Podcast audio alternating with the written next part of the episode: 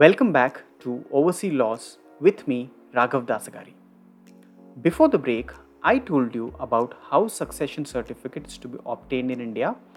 I also explained what documents you need for the purpose of establishing your ownership through inheritance. Now, moving to the next segment of our show, and that is I'm going to answer a query that is should NRIs or OCIs make a will? Well, everybody should make a will is my first reply to people all across. Making a will is not a legally mandated requirement.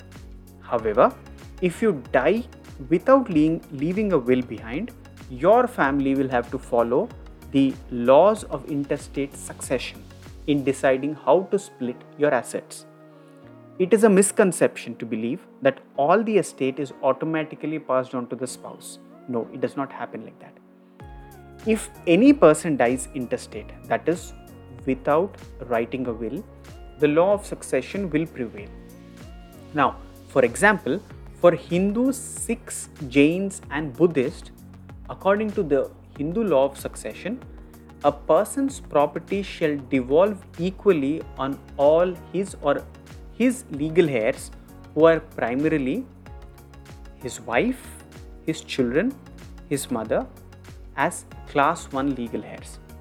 And if there is nobody surviving in class 1 legal heirs, then the property devolves onto the class 2 legal heirs, which are immediate blood relation and so on according to the specified list. Now, for example, if you're if you're a Muslim, then the Muslim law provides that not more than one third of the property can be bequeathed by way of testamentary powers, that is through a will. The rest is devolved equally on all the lawful legal heirs.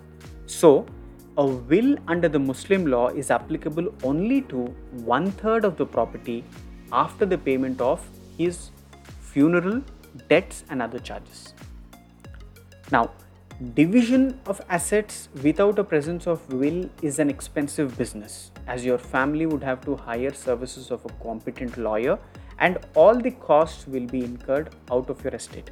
So, in effect, your family will get the share minus the expenses incurred. So, it's always advisable that you write a will while you're healthy and are aware of the consequences that are going to come in future. Now, should NRIs or OCIs make a will if they already have nominations in place?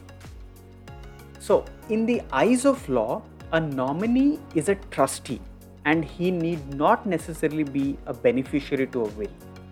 The nominee is merely a caretaker and the right to the property passes by will till the beneficiary attains majority or if there is no will under the laws of succession. This means that if there is a will, then the nominee will hold the assets as a caretaker trustee for the beneficiary. The nominee will be legally bound to transfer the nominated property to the beneficiary of the will. If there is no will, he will have to transfer to the legal heirs. So, ideally, if a will is made, it would be better to name the nominee as the beneficiary to ensure that the distribution is smooth and efficient. Now, coming to what is the process to make a will. So, I'll give you some basic fundamental points while you decide to make a will, and that is there is actually no prescribed format for a will. You, you can write in your own language how you want your property to be distributed. It only needs to be properly signed and attested the will can be in any language. Two witnesses must attest a will, one preferably a doctor or a lawyer. The witnesses should sign in the presence of each other and the person making the will. The will should provide for the appointment of executors, though not a mandatory step.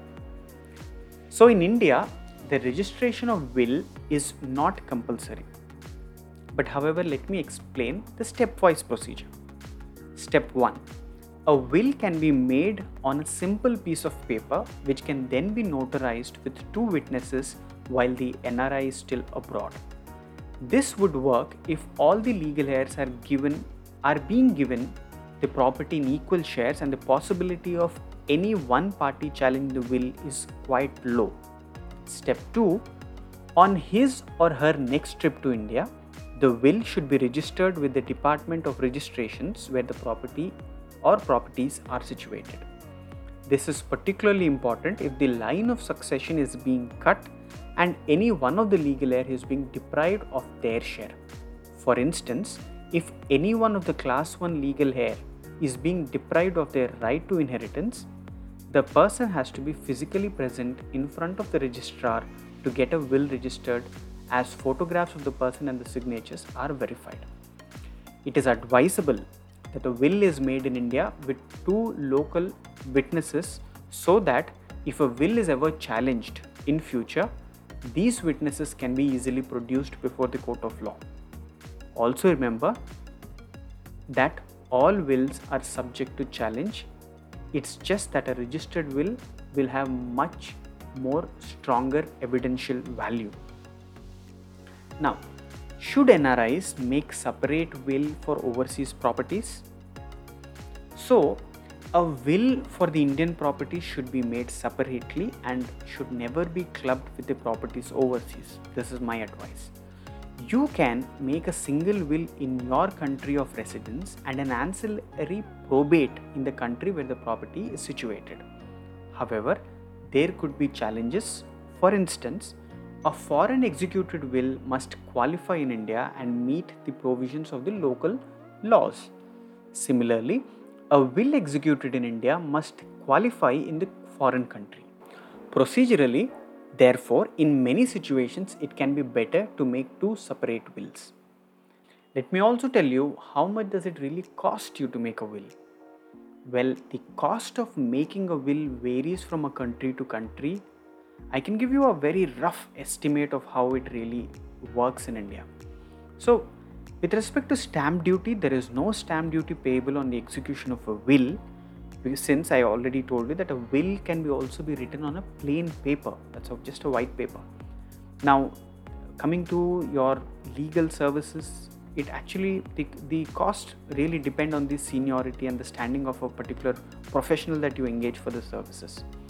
And next, coming to the registration cost, well, uh, it's very nominal. I believe it is tentatively around 100 rupees that you pay.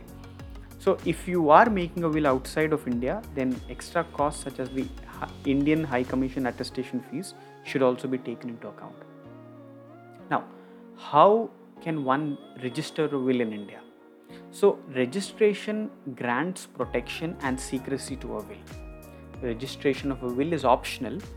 If desired, it can be registered with the sub registrar's office in the jurisdiction or the place that you live in India or you're habitually resident.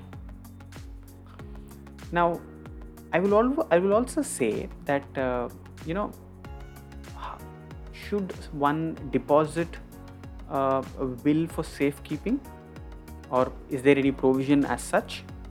Yes, will can be deposited at the option of the testator, that is the person who writes the will, with any person of his choice, including you can also deposit your will for safekeeping with the sub registrar himself. Next is a lot of people think that what is a probate? These are the, you know this is a very commonly used word when somebody relates to or talks more about wills. Now, a probate is a grant of administration of the estate by the court of competent jurisdiction on the basis of a will. A probate can be granted only to an executor. A probate provides the conclusive evidence of three things one, of the execution of a will, two, of the legacies, and three, of the legal characters of the legatees by confirming the validity of a will. So, it is little technical with respect to the legal significance is concerned. But as far as the layman knowledge is concerned, I've already told you what a probate is. Now, moving to what is the process to revoke a will which is already written? Well, the process of revocation means the cancellation of a will. This can be done in the following ways. If there is an execution of a subsequent will, the previous will will automatically be revoked if there is a declaration of intention to revoke the will by the testator in written, then it can be taken to uphold the new will and revoke the previous one.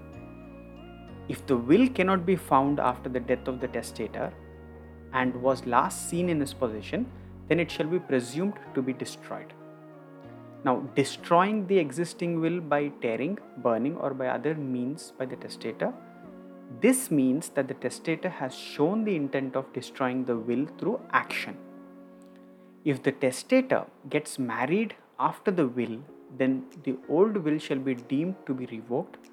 This is an important principle under the Indian Succession Act and is done to safeguard the interest of all the subsequent parties. Now, next, what is a letter of administration? A letter of administration can be obtained from a court of competent jurisdiction in cases where the testator had failed to appoint an executor under a will or where the executor appointed under a will refuses to act or where he or she has died before or after proving the will but before the administration of the estate. So, I have given you some very practical insights on the purpose, the way, of writing a will and also telling you some of the commonly arising issues with respect to property rights are concerned. I really hope today's show was interesting and also educative at the same time. Thank you for joining me. This is Raghav Dasagari on Overseas Laws only on Radio Nyra, Raleigh, Durham. Broadcast on three frequencies 99.9 FM HD4, 101.9 FM, and 1490 AM.